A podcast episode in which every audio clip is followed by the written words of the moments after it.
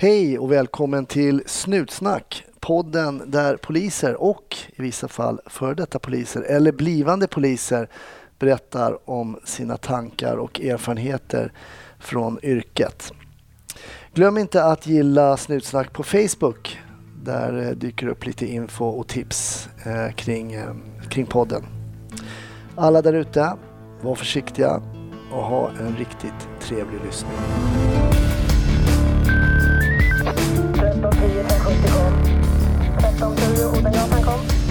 Slut. Bra. Klart slut. Varmt välkommen till Snutsnack Petter, Tack så mycket. som rapparen. Ja, precis. Som rapparen fast eh, lite kortare och eh, lite tjockare.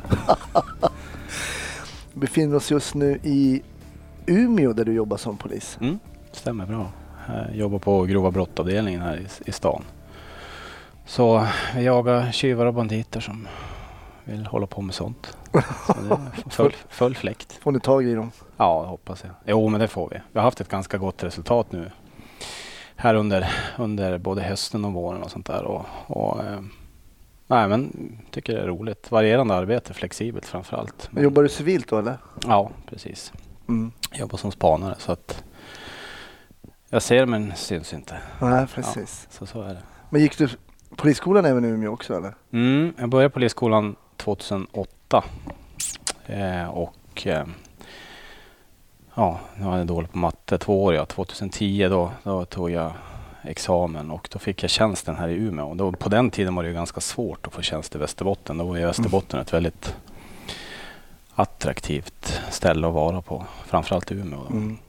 Men är du uppvuxen i Umeå-trakten? Nej, Norrbotten. Norrbotten? Så att eh, flyttade hit eh, 2003.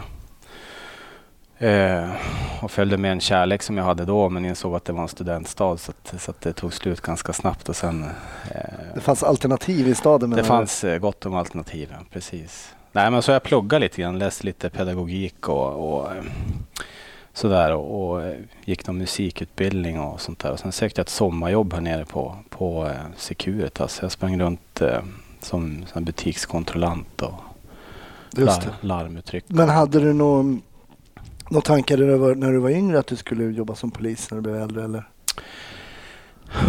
Nej, jag hade väl, alltså jag har ju haft ett ganska stort musikintresse och sådär. Så jag har ju hållit på jättemycket med musik och sådana bitar. Så det var väl, det var väl eh, den grejen jag ville pyssla med. Alltså släppa plattor och sånt där och bli Mhm. så här rock, rockartist. Men var är du från, var är du från Norrbotten är du då? Eh, Boden-Luleå-området. Ja, Så Boden. att, Luleå. ja, så att det var väl egentligen det som var. Men sen så växte det väl fram allt eftersom. Eh, mm, ja, jag hade någon teori där när jag var liten att, att eh, jag hade två yrken. Antingen var det badvakt eller polis. Och jag hade inte kroppen för badvakt så det var polis istället. Ja, nej. Hade du kollat mycket på Baywatch? Ja, kanske? ja, precis. Ja, nej, jag var ingen, ingen jätteföljare av Baywatch sådär. Men, men, Nej. nej, men, ja, men jag tror att, jag, jag tror att yrket polis växte nog fram eh, allt eftersom. Eh, att, att jag ville bli det och att jag ville Mm. någonstans eh, pyssla med det. Mm.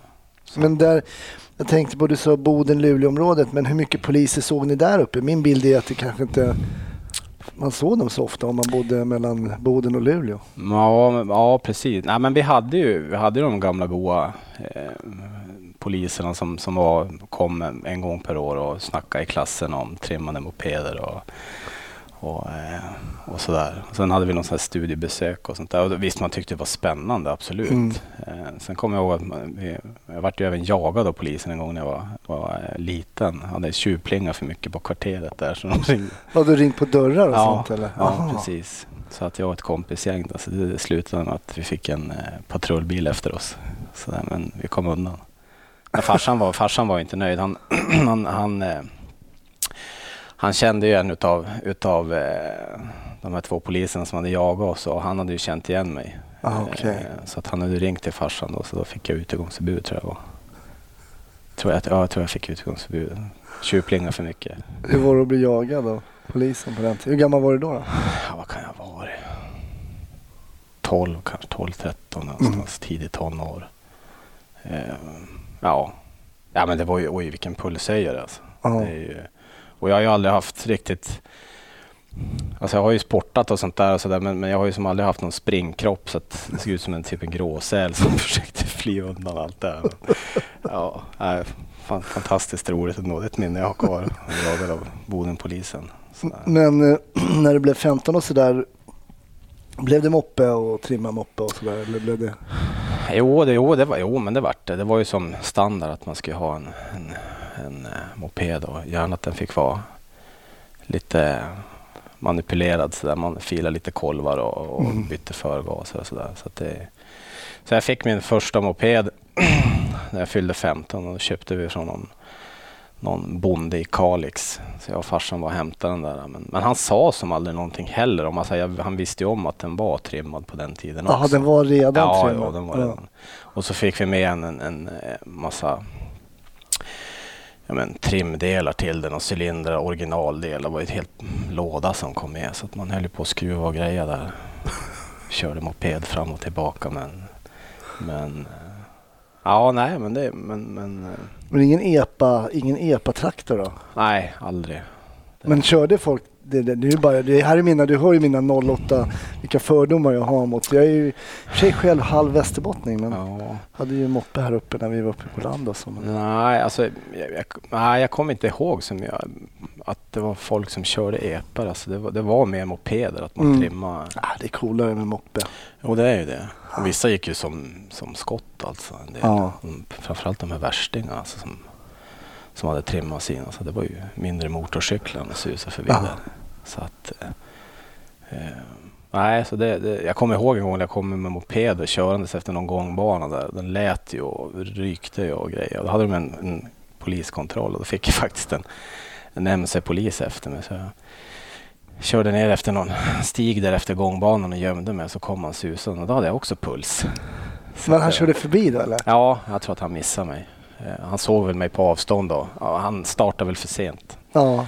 Så jag hade väl tur säkert. Annars- Har dina de här um, jakterna varit, eh, har det varit till gagn för dig som polisen att veta hur, hur ungdomar beter sig när de blir jagade? Ja, men, ja, absolut. Självklart har det varit det. Man, man, någonstans så, man vet ju hur det känns, eh, känns själv att bli jagad och, och det är ingen kul känsla. Eh, och man förstår ju att, eh, att, eh, att när man jagar så, så eh, är ju eh, de, yngre, eller de personer som, som vill komma ifrån en, de har ju puls och är ju skrämd och är rädd. Och jag tror att det spelar nog ingen roll om man är eh, en moppepojk på, på 15 och, och, eller om man är en, en tyngre buse så att säga. Nej, just det. Jagad som jagad. Jagad som jagad, ja precis. Så från, om, från att gå till att bli, ja, nu är det ju bara två gånger, men den jagade till att jaga istället. Mm. det, men det är nog visst med det där jaga, det är ändå det är någon tjusning i det. Ja, jo, men det är nog ben- benägen att hålla med om det. Men det låter ändå som en ganska normal pojkuppväxt att trimma moppen och, och sådär. Det gjorde jag ju själv också, att man trimmade moppen. Och sen jag, åkte, jag åkte ju fast för snatteri en gång också. Okej. Men det kom aldrig fram till farsan. Nej, Och det var en jävla tur det tror jag. ja. Nej, det, alltså det, ja, det, ja men självklart en, en, en normal uppväxt sådär. Jag hade ju, det hade jag absolut. Och det måste ju få förekomma också, herregud. Alltså man får inte stirra sig blind på det heller idag om man träffar på ungdomar som, som kör trimmad moppe eller misstag kan man göra men, men, men bara man lär sig någonting av det. Så det, Mm. det är väl huvudsaken att man någonstans kan förmedla det i rollen som, som polis också. Att, att eh, ja, men alla kan begå misstag men, men huvudsaken att man, man lär sig någonting Mm. som sagt. Ja, när jag åkte fast för snatteri där jag gick i femman, det var slutsnattat för min del kan jag säga. Mm. Mm. Fick man sig en riktig... Ja. Alltså jag var så rädd att farsan skulle komma på det där. Alltså. Ja. Så det var det slut på den kriminella banan för min del. Det var också för min del var inte att man behövde de här chokladbitarna. Det var ju Nej, en nej. Spänningsgrej alltså att man gick in och tog de här grejerna. Den där kicken ja. Ja, det var ju på något sätt det. Jag vet inte vad jag... vi- fick, jag fick väl någon form av veckopengar. Jag hade väl kunnat köpa någon chokladkaka för det tror jag. Men ja. ja, jag vet Nej inte. men det är väl, ja. Men det är väl, det är väl eh, det är en kick man söker någonstans. Och det, jag tror det är ganska, eller det är ju fullkomligt normalt hos den yngre generationen, de ungdomar, ungdomar som vi har, att, att, eh, att det blir så. Alltså att man, man måste testa Mm. eh, på det sättet. Så att absolut. Ja. Men när du, när du var färdig då på polisskolan här i Umeå och du fick tjänst eh, du fick tjänst här uppe direkt trots att det var lite svårare då. Men Mm. Mm. då började du jobba på, um, på ordningen då i början eller? Ja, precis. Och och då, då, var ju, då hade de gjort som så att man delade upp sig så halva aspirantstyrkan gick uppe på eh, krimjouren och den halva gick på, på eh, IGVn. Då. Mm. Eh, så att jag hamnade först på, på krimjouren med utredningar och sånt där. Så att, eh, jag fick en ganska bra mjukstart. Det var, Mm. var inte direkt ute i hetluften så utan nu fick man ju möta de här klienterna och, i ganska ordnade former ändå. Mm. Eh, man kallar på förhör och man, eh, ja, man eh, plockar ut dem på morgonen när de satt anhållna och sådär. Det, det är oftast, det är, då är de ganska avväpnade och, och så att det var, det var ganska det var ganska bra tyck, tyckte jag i alla fall. Och sen under skoltiden då så, så um, fick jag möjligheten att sitta på dåvarande LKC Mm. som operatör där. Och så att man fick ju mycket gratis ifrån, ifrån de två somrarna som jag jobbade där under studietiden också. Mm. Lite avrapportering och hantering av radiosystem och sånt där. Mm. Så att eh, ja, men det, kände, det kändes ju bra på det sättet. För sen när man väl kom ner på ordningen då så då, då var det ju då var man ju ute i hetluften.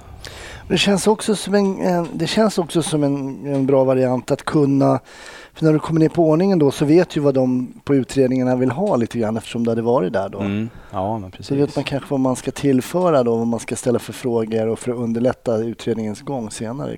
Ja, men precis. Och, och vikten av, av de här, det som surrar som fortfarande med sådana här alltså förstahandsåtgärder på Mm, plats och sådana här mm. bitar.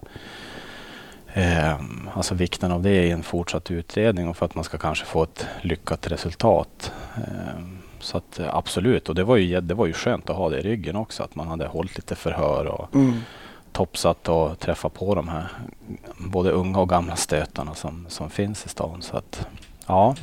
Ja, nej men eh, berätta. Vad, det var en, en grej när vi pratade om att, och det har vi väl också hört i Snutsnack, att man inte riktigt vet var man, var man ska hamna och där jobbet som ro, ropas ut är, är en sak och så hamnar man på någonting annat. Men Mm. Berättade någonting när ni hade sån här kulturkalas eller kulturnatta eller någonting här. Ja, precis. Det här var ju... Det här var ju... ehm, jag var väldigt färsk. Jag var aspirant då. Då hade, jag hamnat i en sån här ehm, Alfa Bravo-grupp. Och det var en sån här kulturnattafestival i Umeå då. Mm. Och det var ju artister som spelade och det var ju mycket folk och ja, men det var en kul grej sådär. Eh, och, och jag menar, då ingick jag i en grupp med, med några äldre kollegor. Eh, och det var ju, alltså kvällen avlöpte väl som en vanlig festivalkväll ska avlöpa. Ja, men någon var för full och man förstörde någon ungdomskväll där genom att spela ut den sista skvätten öl och ringa mamma och pappa och tårar och ehm, ja men och så avvisa, avlägsna och sånt där och det var någon lobb och sådär. Mm. Och Lobby är alltså en person som är för berusad för att ta hand om sig själv. Ja men precis. Så att eh, det var väl en ganska sedvanlig eh, kväll om man säger så. Mm. Mycket folk i omlopp då eller? Ja, ja men absolut. Eh, och mycket barnfamiljer och det, det är ju en, en familjekväll, dag egentligen sådär. Mm. Men det är väl sen mot, mot kvällen det blir mera eh, alkoholrelaterat och stökigare på det sättet. Men då har de flesta familjerna gått hem. Mm. Eh, Men, men ja, nej, men så var det i alla fall den, den där kvällen. Och, och, och jag brukar tänka på den här historien ganska ofta för just det där du säger att, att man, man vet inte riktigt alltid vad, man, vad, man, vad som väntar. Eh, och, eh, eh, då var det i alla fall som så att, att jag och en, en kollega vi, vi befann oss på torget där och då kommer en, en, eh, en kvinna eh, fram till eh, någon av kollegorna där och, och börjar prata med, med kollegan och säger att hon har blivit hotad i en, i en gränd lite längre bort. och den här kvinnan är höggravid. Och hon har med sig sin, sin eh, pojkvän då som, som när jag fick höra namnet på, på den här pojkvännen så, så var han en av de gamla stötarna sådär. Han har förekommit hos polisen och sådana bitar. Och, Mm eh, Hur mycket påverkar det eh, när man möter någon som då kanske före detta kriminell eller har, Mm. finns i registret? Påverkar det ens eh, bild av hur man bedömer situationen? Ja, men givetvis. Och det, och det här exemplet är ju så tydligt på det också lite grann också. Men det gör, och, och det, och vad ska jag säga, alltså man, man, i alla fall jag bråkar med mina fördomar och min cynism om man nu ska säga att vara så allvarlig varenda dag. För, och det tror jag man måste göra. Jag tror att det är viktigt att göra det varenda dag i det här yrket. För, för någonstans så är vi ju samma skrot och korn allihopa ändå. Mm. Eh, Trots eh, bråkig bakgrund eller, eller silversked i mun. Mm. Alltså, så är det ju. Mm. Eh, Men, men, men hur som haver så just där och då när man står där och det är stökigt och det är festival och så kommer det här upp på bordet att ja, men hon har blivit hotad i en gränd där borta. Och På sen, vilket sätt har de blivit hotade? Ja, men hon, hon, hon uppger att hon har fått en pistol eh, riktat mot, mot pannan eller tinning, alltså tinningen. När hon har suttit och, och kissat i den här gränden. Då. Jaha. För hon och hennes pojkvän har gått hemifrån då, så ner mot stan och så känner hon ju bara att ja, men gravid och allt möjligt, jag måste kissa nu. Så de hade ju sl- slunkit ner den här gränden och, och skulle kissa där. Mm. Och då kände man sig direkt som en pistol i, alltså mot huvudet. En gravid kvinna som ska kissa i en gränd. Alltså man, ja, jag tänkte men Hade hon något signalement på någon gärningsman eller något sånt där? Jo, hon, hon beskriver ju att, att, att den här som, som riktar pistolen mot henne är ju en, en, en eh, medelålders dam eller kvinna. Och så eh, hennes gubbe eller kille då till den här damen. Och man kände som där också, i och med att, att det här paret kanske hade en historik hos oss och så den här historien. Och så skulle man försöka kugga i de här två i varann för att få någon konsensus av det. Så var det som lite svårt där. Men, men, men som sagt, man var ju tvungen att slå bort sina fördomar lite grann och ja, men köra. Så vi fick ju, vi fick ju eh, av, av, av gruppledaren, eller gruppchefen då för vår grupp att, ja, men, eh, att jag och kollegan ska gå till den här gränden och kolla. Eh, så att vi kunde utesluta att det inte var så här, att det var en pistolbeväpnad dam i den här gränden. Det, det, det låter som ett väldigt ovanligt jobb. Alltså. Jo, jo, men det var det ju. Och så, och så var man ju ny också. Mm. Så att skulle man försöka hålla koll på allting där. Eh, men, men jag och kollegan, vi går dit i alla fall och, och eh, ställer oss i den här gränden. Och när man kommer, kommer in i den här gränden så är det en, gräsmatta så sluttar det ner lite grann mot, mot älven. Mm. Mm. Och så är det staket runt och så står det några hyreshus där. Eh, och eh, vi ser ju ingenting. Så vi känner ju som att, ja, nej men alltså, ja, den här historien kanske inte riktigt höll. Eh, men, men till slut så, så skymtar jag två figurer, alltså människofigurer längre ner i någon buske där. Alltså i busken där? Ja, som, som i vegetationen där. Som, som, eh, så vi ropar att, ja men, för att påkalla deras uppmärksamhet, att de ska komma upp mot oss då. Men nu är ni, jobbar ni i uniform och sådär? Ja, ja, absolut. Vi hade Mm. ju sådana här varselvästar och Just det. precis, precis som en polis ska se ut, höll jag på att säga. Mm. Ehm, och de svarar inte, utan de kommer gående mot oss.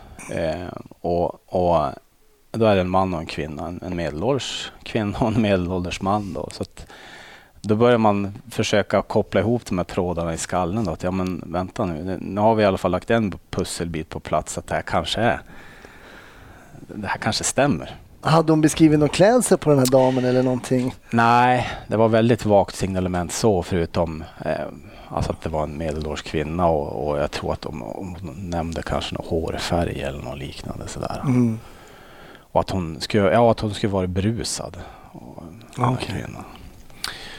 Och det stämde ju in på den här kvinnan som, som, och, som kom gåendes mot oss då, tillsammans med sin karl där. Eh, och det ter sig så i alla fall att kvinnan hon, hon, hon kommer gåendes mot mig och, och, och mannen här han, han går mot eh, min, min kollega. Eh, och jag säger till henne att, att eh, ja, men visa händerna, att, att vi är från polisen, att eh, visa händerna så att jag ser vad du har där och försöker. Men hon är lite bångstyrig och, och, och jag ser i periferin att, att hennes gubbe här går mot min kollega i alla fall. Och han är ganska forcerad i sin gång. Mm. Eh, och har en huvtröja på sig. Så håller han händerna i det här lilla facket på magen, alltså som i fickan på magen. Just det. Eh, så jag känner att det är någonting som inte riktigt stämmer här. Och, och jag börjar fundera på att ha han någonting i händerna, han som går mot kollegan. Och min kollega skriker ju till den här karln då att ja, men ta fram händerna och visa händerna. Eh, men han gör inte riktigt det. Så, att, så att, eh, jag hör och ser i periferin att, att han, eh, han drar sitt vapen och Mm. gör mantelrörelse. Och det där ljudet kommer jag fortfarande ihåg. Den där mantelrörelsen alltså. Mm. Eh, och då känner jag att när jag hör det ljudet, då, då känner jag att nu är det allvar. Mm. Eh, men eh, jag måste ju som fortfarande fokusera på kvinnan. Eh, så jag kan som inte ägna mig så mycket åt vad kollegan gör då. Och hon går mot mig och till slut så kommer hon så nära så att jag, jag hade, innan kom jag ihåg hade jag plockat upp min, min, min eh, OC-spray bara för att vara redo. Men hon är så pass nära så väljer jag som att alltså, stoppa ner den igen. Eh, för jag känner just då att ja, men hon är nog inget hot just nu. Hon är lite bångstyrig och gör inte riktigt som jag säger. Men ja. Eh, och så försöker jag ta tag i hennes eh, arm. Mm.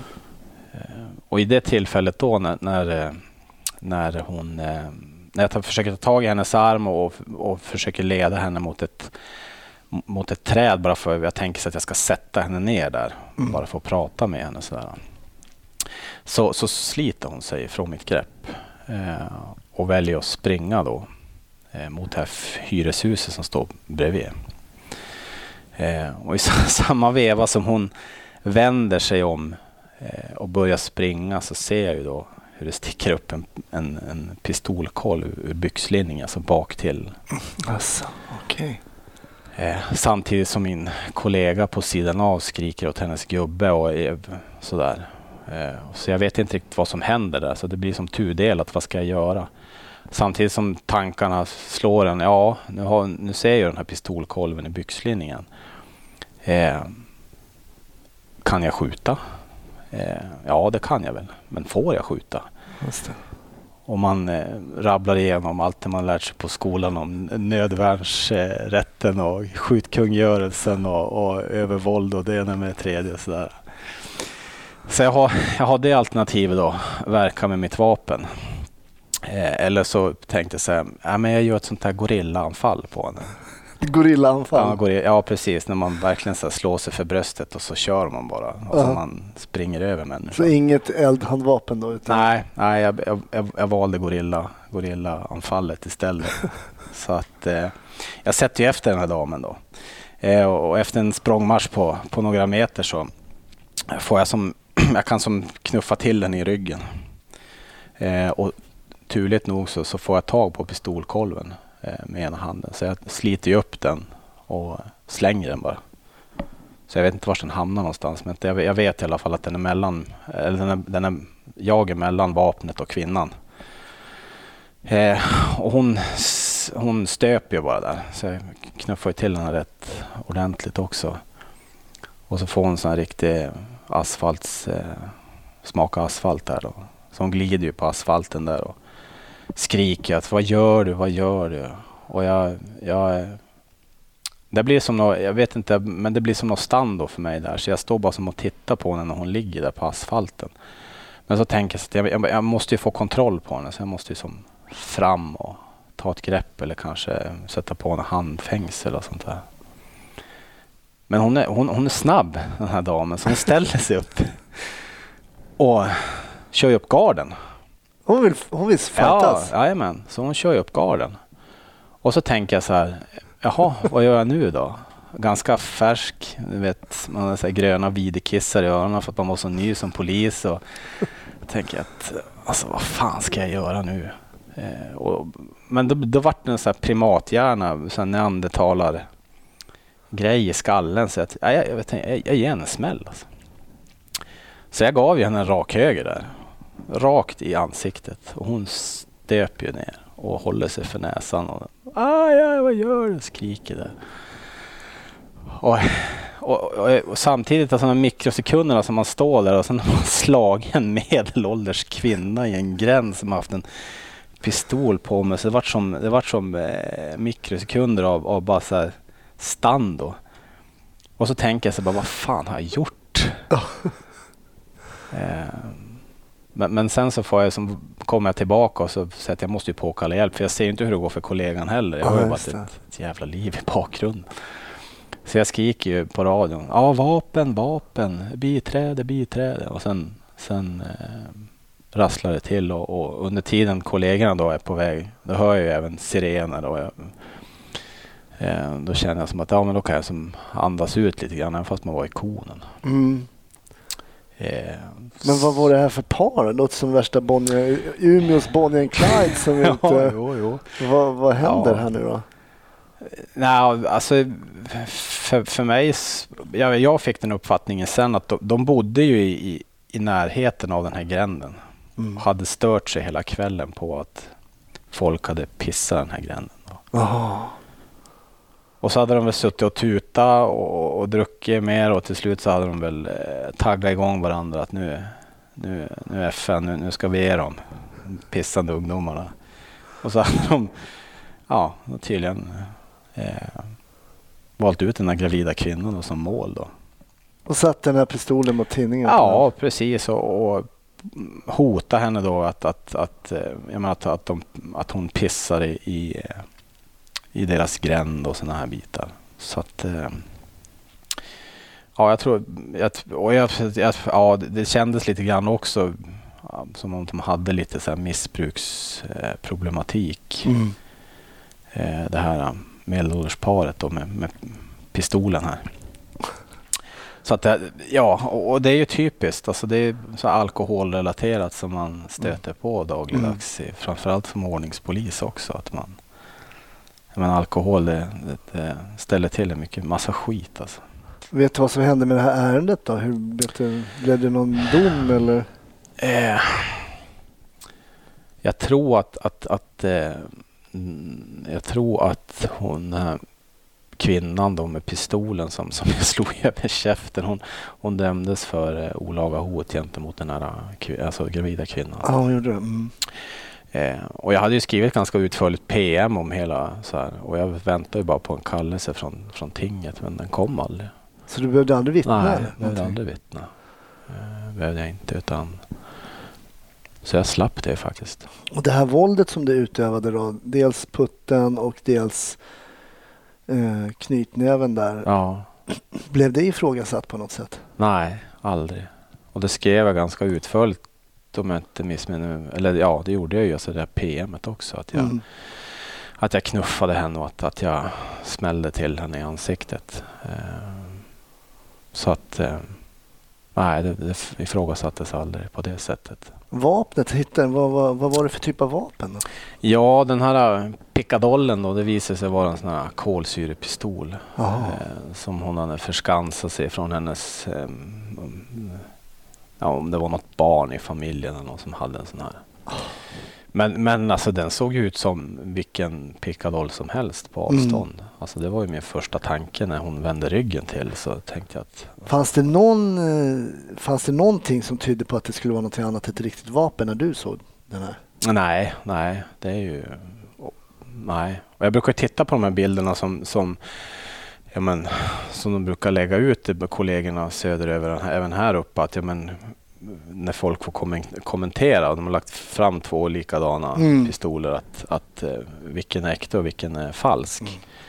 Och det är lika mycket rätt som fel. Mm. Och där, där någonstans står vi och ska avgöra då vid ett sånt här tillfälle. Att, Ja, och jag menar sitta och titta på ett bild och sitta där i 30 sekunder och titta fram och tillbaks vad som måste Ja, ja. plats. Men jag menar det här pra- pratar vi om i ögonblicks ja, en händelse bara i ögonblick. Man måste, för, jag menar, om hon hade vänt sig om, vi säger att hon hade fattat tag i den här kolven Ja, och vänt sig om då när hon sprang innan du hade hunnit knuffa henne, då Ja. hade väl kanske kommit till ett helt annat läge. Ja, då hade det varit helt...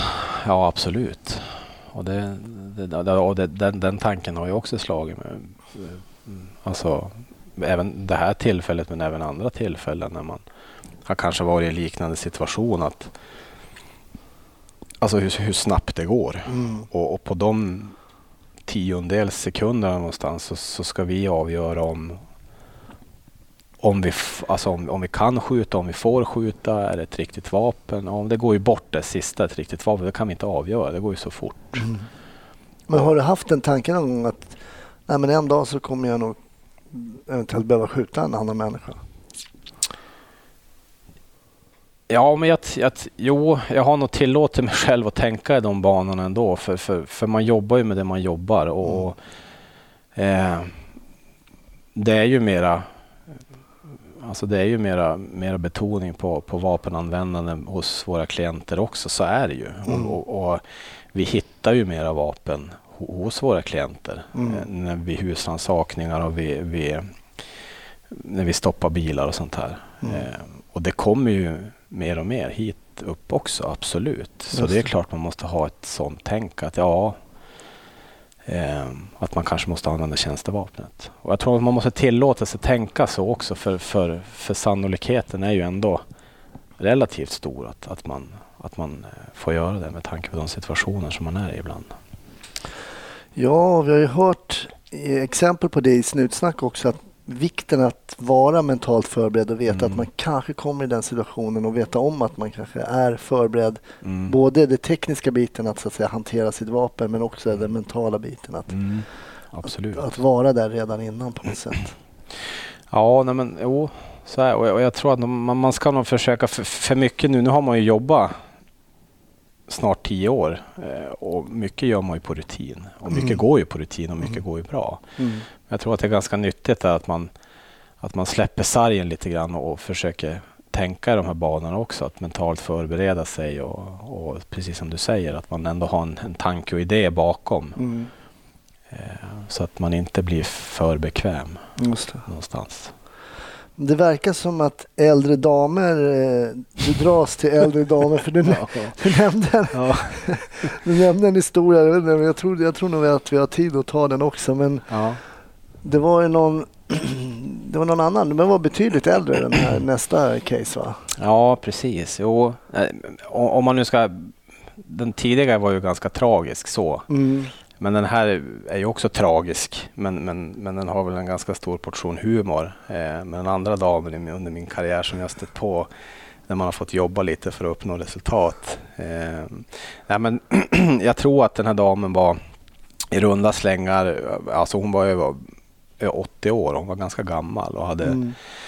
ja, men, rullstol som hjälpmedel och sånt där. Och, och eh, under ett tillfälle då så satt hon anhållen hos oss för om det var olaga hot eller övergrepp i rättssak. Eller, En, eh, en dam över 80 år alltså? Ja, det var någon sån här familjesörja eh, Ah, okej. som, som hade gått överstyr där. Ehm, och, ehm, så hon satt anhållen hos oss eh, i alla fall. Och, och, och, ja, som det blev det i alla fall under tiden hon satt anhållen hos oss så, så eh, ville hon ha läkarvård. Eh, så de körde upp henne på psyket så hon vart eh, inlagd på psyket då. Mhm. Eh, och befann sig där. Hon var fortfarande anhållen. Men, men där gjorde väl mm, landstinget jag en liten blunder att man inte tänkte på att hon var anhållen. Så att man släppte ju henne Oj. Eh, när, de, när de ansåg att hon var frisk då för att klara sig själv. Så de släppte ut henne eh, och eh, då fick vi det här till livs. Eh, och så fick jag och kollegan uppdrag att vi skulle åka ut då till, till den här orten där den här kvinnan bodde. Och det är ju en ort eh, utanför Umeå, rätt många mil. Så det är väl det är lite banjoland sådär. eh, Sex fingrar på... Ja, jo, men precis. Eh, lite grann sådär. Eh, så, men, men, men vi hoppade in i, i, i, bussen, jag och kollegan. Och då, den här kvällen då jobbade jag med en, med en väldigt erfaren kollega som har jobbat många år. Eh, så vi stack ju upp dit och jag menar, träden susade förbi och man satt en stund i bilen och vi satt och skojade. Och, och, ja, det, var, så, det var ju som ett vanligt arbetspass. Som jag, när jag tänker tillbaka, det var en sån, en sån transport egentligen bara. Ni skulle hämta den här äldre Ja, damen tillbaks då, eftersom hon fortfarande var anhållen. Ja, Så precis. ett ganska enkelt ärende. Ja, ja, absolut. Alltså det var en riktig rutin, rutingrej. Mm. Eh, så vi kom upp till, till den här adressen då, mitt ute i ingenstans. Och eh, eh, huset den här kvinnan levde i var helt nersläckt och inga tecken på att någon var hemma. Så vi vart lite konfunderade där och tänkte att hon dragit någon annanstans. Då, så där. Men det är som att leta en nål i en höstack. Men, men vi, hade, vi hade ju en personell husrannsakan. Och, och dörren var öppen. Eh, så att vi gick in och sökte igenom hela kåken och hittade väl egentligen inga tecken på att hon, eh, på att hon skulle befinna sig där. Nej. Eh, och så var det, tror jag, sista rummet eh, i huset här. Så jag gick in och så stack jag som in handen eh, för att tända upp eh, själva rummet. Då. Jag försökte treva mig efter lysknappen. Den var ju en sån här gammal vippbrytare. Det var, och, Alltså, jag kommer fortfarande ihåg alltså, när jag slog igång den här vippbrytaren. Det var precis som, som när man... Eh, alltså som när spotlightsen på scen, du vet, så här, tänds upp. Just. Eh, och då ser ju hon hur hon står mitt i en sån stor gammeldags vävstol som tar upp hela rummet. Vänta nu, står damen i den här vävstolen? Ja, hon står i, i den här rullstolen. Och det, Nej, i, i vävstolen? Nej, ja, ja, precis i vävstolen. Eh, och bara den synen, de där sekunderna där, tänker jag, vad fan gör hon? Och när, när, när ljuset tänds och hon ser att, ja, men att det är polisen som är och, och, och söker henne, då skriker hon ju att jag ska se husrannsakningspapperna. Och sen börjar det bara flyga grejer. Och det var jag och kollegan, vi stod då utanför rummet och försökte som kika in. Och det flög ju porslinshundar och kandelabrar och garnnystan och det var eh, glas och det var glödlampor och alltså det var helt makabert och man visste inte om man skulle, alltså vi hade ju svårt att hålla oss för skratt. Men hade hon liksom belamrat sig där med de här Ja. grejerna? Så att, Ja, hon och sen hade hon någon hylla i, i hon hade någon hylla i närheten av där hon stod som kunde liksom plocka ner sina så här gamla fina porslin, porslinshundar så kastade dem mot konstaplarna som stod där i, utanför i vardagsrummet. Eller, ja. och då så det var yrde grejer där? ja, det är det grejer och, och vi försökte mellan de här, eh, de här regnen och prylar som kom så försökte vi som sticka in skallen i rummet och säga att hon skulle lugna ner sig, att vi inte behöver något husrannsakningspapper och och, och, och grejer. Och hon försökte nypa som någon sån här, eh, sån här plockgrej som man kan plocka skräp med. Du vet, sån, En sån lång tång? Ja, liksom. precis. Som hon försökte så här, nypa oss med men när vi kom in där. Så att, eh, ja, det var fruktansvärt roligt. Och, eh, till, till slut så, så, så vi hamnade ju i, i, i ett läge där vi kände att eh, vi måste göra någonting för hon, ska ju med in. Ja, Alltså det var ju så tragikomiskt så att det var ju... just det. Eh, så, så kollegan och jag vi bestämde oss för att nej, vi måste gå in och hämta skölden. Eller gå tillbaka till patrullbilen och hämta skölden. Och jag tänker så här bara, så ska vi hä- hämta en, en, en sköld och så, så gå in och, och, plocka en 86-årig gammal, ja hon nu var. Hon var gammal i alla fall. Som hade barrikaderat sig i sin vävstol där. Men, men eh, ja, sagt som gjort så, så vart det. Så Ja. vi, vi, vi gick in i rummet där och fick ju levererat lite porslinshundar och grejer och det var allt möjligt som flög mot den där skylten. Till slut så var vi så pass nära så vi kunde som få någorlunda kontroll på henne så att hon ehm, så att hon slutade kasta grejer. Eh, men då var det ju i den här i de här stora vävstolarna så är det ju tr- trådar och grejer. Du vet. Går ni in i den här vävstolen? Ja, vi, måste ju som, vi är som tvungna att kliva in i det där för det är ju trådar och den har ju fastnat och, och skölden är där och så har man ju utrustningsbältet och nej, det var ju en jävla soppa alltså. Vi stod och försökte få kontroll på henne där och jag hade satt skölden då för att hon slog mot våra, mot, mot våra ben så att jag hade satt skölden ner på, på skorna. Eller på kängorna så höll jag dem för, för benen så här när vi stod upp och så med ena handen försökte jag så men, men lugn nu alltså. Så här. Men då hade hon en hammare som försökte slå, slå, slå mig på tårna. Det var hennes sista ansats till frihet. Liksom.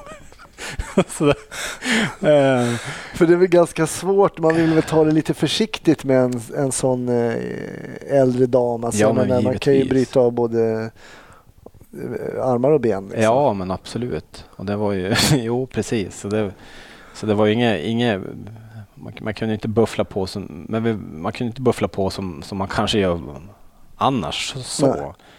Eh, Med tanke på att det var en gammal människa. Och, men vi måste, alltså, Hon skulle med. ja, hon ju med. Och, och det är det som blir det komplexa i det här yrket också. Att, att man, alltså, man tänker sig först, ja men en 80-årig gammal dam, hon är anhållen och ska tillbaka och så har vi en arbetsuppgift att lösa. Egentligen alltså hade man, då hade man ju bara velat släppa allting och ge henne en kopp kaffe och så fara därifrån. Ja, men precis. Eh, men, eh, nej, men vi fick med henne i alla fall. Eh, hon lugnade ner sig och vi förklarade för att, att, att vi har inga husrannsakningspapper. Det, det, det är USA, det funkar så. Nej, precis. Ja. Och det kan vi berätta att det finns inga sådana papper man håller upp i dörren utan man har Nej. ett beslut då från antingen en polischef, som det kanske var i det här fallet, eller Ja, en åklagare. Ja, men precis.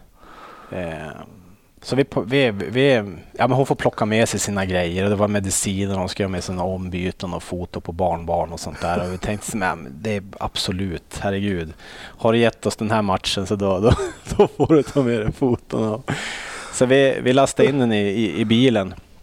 Eh, och under hela bilresan in då till, till stan sen så, så är hon ju jättetrevlig. Och så sitter hon ju, jag sitter bak med henne, så hon sitter och tittar på mig där. Och, och någonstans vet jag väl inte om hon, hon inser det då kanske själv att hon eh, gick lite väl långt genom att kasta porslinshundar och grejer på. Så hon, hon, eh, hon eh, till slut så, så pickar hon mig på axeln och så säger hon så här, du, eh, vill konstapeln ha en choklad?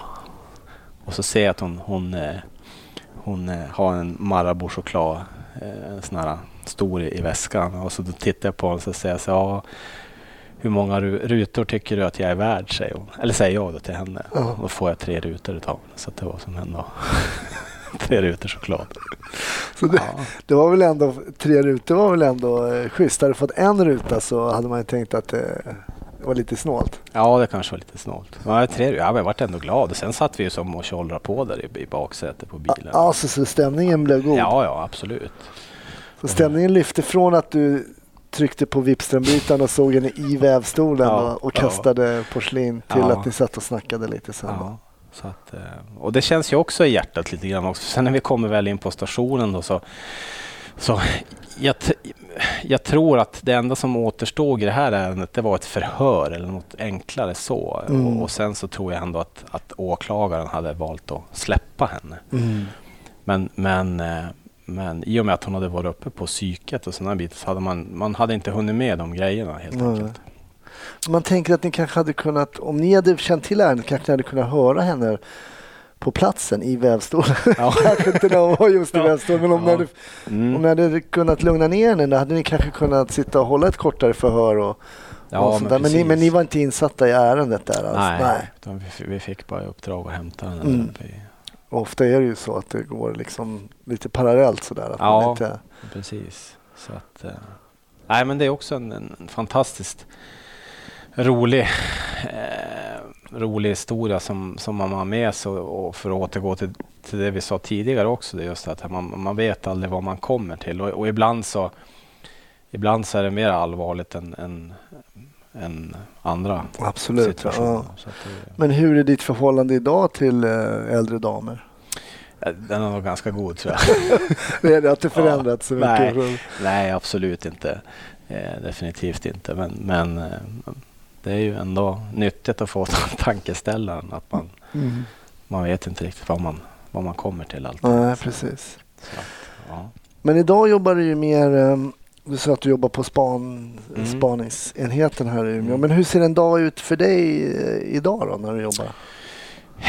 ja, hur ser en dag ut för mig? Vi, vi, det är, hör och häpna, det är inte så spännande men det är mycket pappersvänderi. Så är det ju. Mm. Sen, sen är vi ju ute på, på, på fältet och jobbar och, och, och spejar. Mm. Sådär, eh, absolut. Så att eh, det, är väldigt flexibelt. Det är, ju. det är fram och tillbaka och sådär. Och, och, och någonstans så eh, tror jag ändå, och som, som jag har hört många har nämnt på, på, på dina tidigare avsnitt också, just den här att göra skillnad lite grann. Att Mm. man känner ändå att man... Det är någon, någonstans det man vill uppnå, att, Mm. att försöka göra skillnad. Och nu gör jag skillnad på det här sättet och om några år så kanske det är skillnad på något annat sätt. Mm. Men era ärenden som jag tänker som ni har till exempel på spaningsroten där, är det Mm. ärenden som ni själva driver fram? Får ni in mycket tips från allmänheten? Har ni uppgiftslämnare som ni jobbar med? Hur, hur, hur ser det ut? Nej, men det är väl både och. Det är både uppgifter som kommer in och, och, och även eh, alltså ärenden som man, som man eh, bygger upp själv genom alltså vanlig sedvanlig gråspaning egentligen. Mm. Eh, så att eh, det, det, det är både och. Det är en blandad kompott. Eh, oftast är det mycket gråspaning. När du säger gråspaning, vad menar du då? ja men då blir det det där klassiska sitta och titta på en ytterdörr i åtta timmar. Sen inser man att passet är slut och så åker man hem.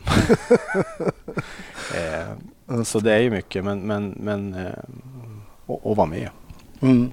och, och iaktta. Men är det, känner du att den tjänsten du har nu är någonting du skulle vilja eh, jobba med i fortsättningen också? Eller? Jo, men, ja, men det känner jag absolut. Eh, det går väl i skov. Vissa perioder är det mycket jobb. Eh, man gör mycket timmar och sånt där också. Då får man försöka bita i och tänka att ja, men det är ju ändå en, en god sak i slutändan. Mm. Eh, och vissa perioder är det ju kanske lite mera navelluddspetande sådär. Mm. Eh, så, så att jag, jag tycker just eh, arbetsmässigt så, så, är, så är det, det, det både, både mycket och lite, en ganska jämn vågskål där. Mm. Eh, så att, eh, jo, men jag tror att nog att jag, jag, jag kommer fortsätta ett tag till med det jag pysslar med idag. Men kommer du gå tillbaks till IGV? Ja, alltså det är ju någonstans, eh, jag brukar säga det, vi, vi, vi, vi brukar åka på Polishögskolan och föreläsa eller och, och dra något ärende som, som, som vi har kört tidigare och då brukar jag säga det att välkommen till världens roligaste jobb. Mm. För jag brukar säga det att det finns inget annat yrke i världen där du får sätta dig i en bil med sirener och blåljus och, och, och vifta med batong och OC och pickan och handfängsel och skrika och springa. Eh, jag sa det att, eh, brukar säga det också att misströstar ni någon gång så kan ju alltid ringa till Försäkringskassan och fråga hur deras dag har varit. till, till Kerstin på Försäkringskassan Ja, och fråga. precis. Ja. Ja, men det tycker jag var ett ganska bra tips. Man kan alltid ringa till någon som jobbar där och höra hur de har haft det under dagen. ja, precis. Men hur är det med, vi brukar alltid runda av och höra hur det är med underhållningen. Eh, kollar du någonting på polisserier eller polisrelaterad underhållning? Jo, men visst gör man ju det. Man är ju lite skadad. Sen finns det alltid bättre och sämre program. Mm. Eh, sådär som kanske, ja, men man tänker som en deckar, deckar eh, Beck och de här. Eh, vissa är ju bättre än andra där man Vissa skiljer sig väldigt långt ifrån verkligheten. Mm. Men nu senaste tiden har jag tittat på, på eh, Stockholmspoliserna faktiskt. Just det. Mm. Mm, vad tycker du om den? Det går på fyran va? Mm, precis. Eh, nej, men jag, tycker, jag tycker att det är en, en, en bra och intressant att se hur, hur kollegorna där nere har det. Mm. Eh, vi lever ju någonstans i eh, två, två helt skilda vardagar eh, men ändå så lika. Mm. Eh, både när det gäller ar- arbetsbördan och klienter man möter och sådana här bitar. Men, men, men eh, jag tycker att den är, den är ganska rak Mm. över hur det ser ut idag och framförallt över hur Stockholm ser ut. Så att jag tror att det är ganska nyttigt att, att få ta del av det även även om man har jobbar som polis själv. Mm. Men sen även för allmänheten också. Att, ja, men det ser faktiskt ut så här. Tycker du att den ger en, eh, en verklig bild över hur arbetsuppgifterna kan se ut för en polis? Ja, men det tycker jag. Mm. Absolut. Absolut. Och hur mycket tid som går åt att någonstans serva alla de här instanserna som ska servas. Eh, ja, men det är ju de här som är psykiskt dåligt mående och eh, alkoholen under helgerna, alla de relaterade Mm. grejerna som finns. Eh, ja, men, och egentligen hur, på hur många människor mår dåligt idag. Sådär. Mm. Så eh, Det är ju, ja, de gör det otroligt bra. Mm. Absolut. Och även, även här uppe också. Så det är ju definitivt. Så rekommendationen blir alltså en dokumentärserie. Ja, men det ska Mm. ja, absolut. Definitivt. Jättebra. Ja. Eh, Stockholmspolisen på TV4 just nu. Mm. Det, det rundar vi av med. Dokumentärserie. Tips från Petter. Klart och betart. Ja. Nu dricker vi kaffe. Nu tar vi en kaffe. Ja. Stort tack för att du ville vara med i Snutsnack. Tack själv. Vad roligt.